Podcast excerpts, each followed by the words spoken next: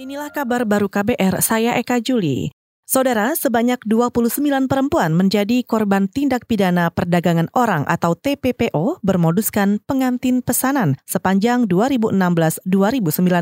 Korban dijanjikan akan menikah dengan orang kaya asal Hainan dan Beijing di Tiongkok. Data Serikat Buruh Migran Indonesia menyebut dari 29 WNI itu, 13 orang berasal dari Kalimantan Barat dan 16 orang dari Jawa Barat. Salah seorang korban, MN, menyebut selama di Tiongkok dirinya dipekerjakan oleh suami mendapat penyiksaan fisik. MN juga mengaku upah hasil ia bekerja pun dikuasai oleh suami. Korban berusia 23 tahun ini berangkat pada September 2018 dengan iming-iming perbaikan kehidupan ekonomi. Dari saya berangkat, orang tua saya sih nggak tahu. Nggak tahu. Uh, saya memakai mama palsu untuk jadi pengganti mama saya. Uh, September tanggal 18 2018, saya melapor ke Polda itu pas di Tiongkok itu mama saya melapor ke Tiongkok bulan berapa ya lupa saya. Antara bulan 11 gitu udah lapor ke Polda karena saya dapat perlakuan tidak baik di sana. Itu tadi MN korban tindak pidana perdagangan orang berkedok pengantin pesanan. MN berhasil kabur lantaran tidak tahan dengan perlakuan suaminya. MN sempat melaporkan hal tersebut kepada kepolisian setempat di Cina, namun tidak membuahkan hasil. Saat ini MN mendapatkan pendampingan dari Serikat Buruh Indonesia atau SBMI dan Lembaga Bantuan Hukum LBH untuk memproses secara hukum para pelaku yang diduga terlibat dalam jaringan perdagangan orang. Lembaga Bantuan Hukum atau LBH Jakarta mendesak kepolisian dan Kementerian Luar Negeri untuk segera menangkap pelaku perdagangan orang yang berada di Indonesia maupun Tiongkok melalui upaya diplomatik.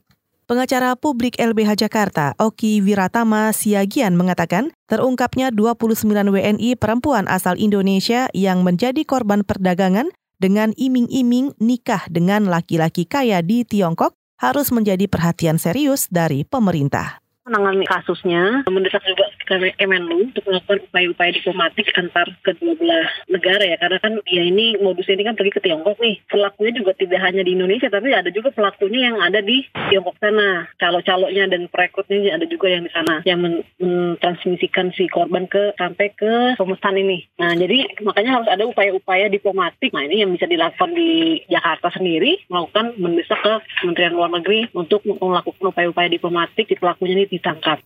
Selain langkah diplomatik, pengacara publik LBH Jakarta, Oki Wiratama Siagian juga menambahkan pihaknya meminta polisi memburu pelaku tindak pidana perdagangan orang di Indonesia. Kasus ini menurutnya juga semestinya mendorong pemerintah daerah untuk lebih menggencarkan sosialisasi soal antisipasi modus tindak pidana perdagangan orang kepada masyarakat.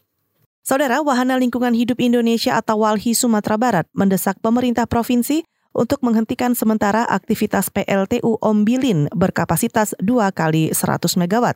Walhi menyebut PLTU Ombilin melakukan pencemaran udara dan air akibat limbah B3.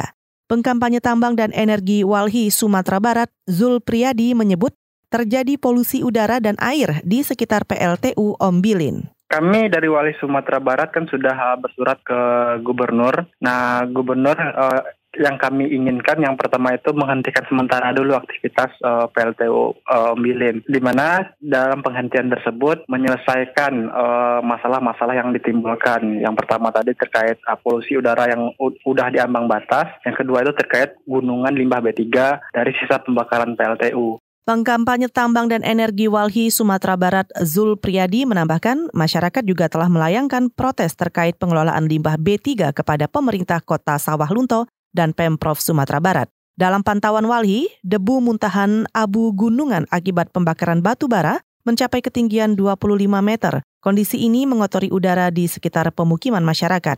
Dampaknya, sejumlah warga terinfeksi penyakit ispa dan iritasi mata. Saudara demikian kabar baru, saya Eka Juli.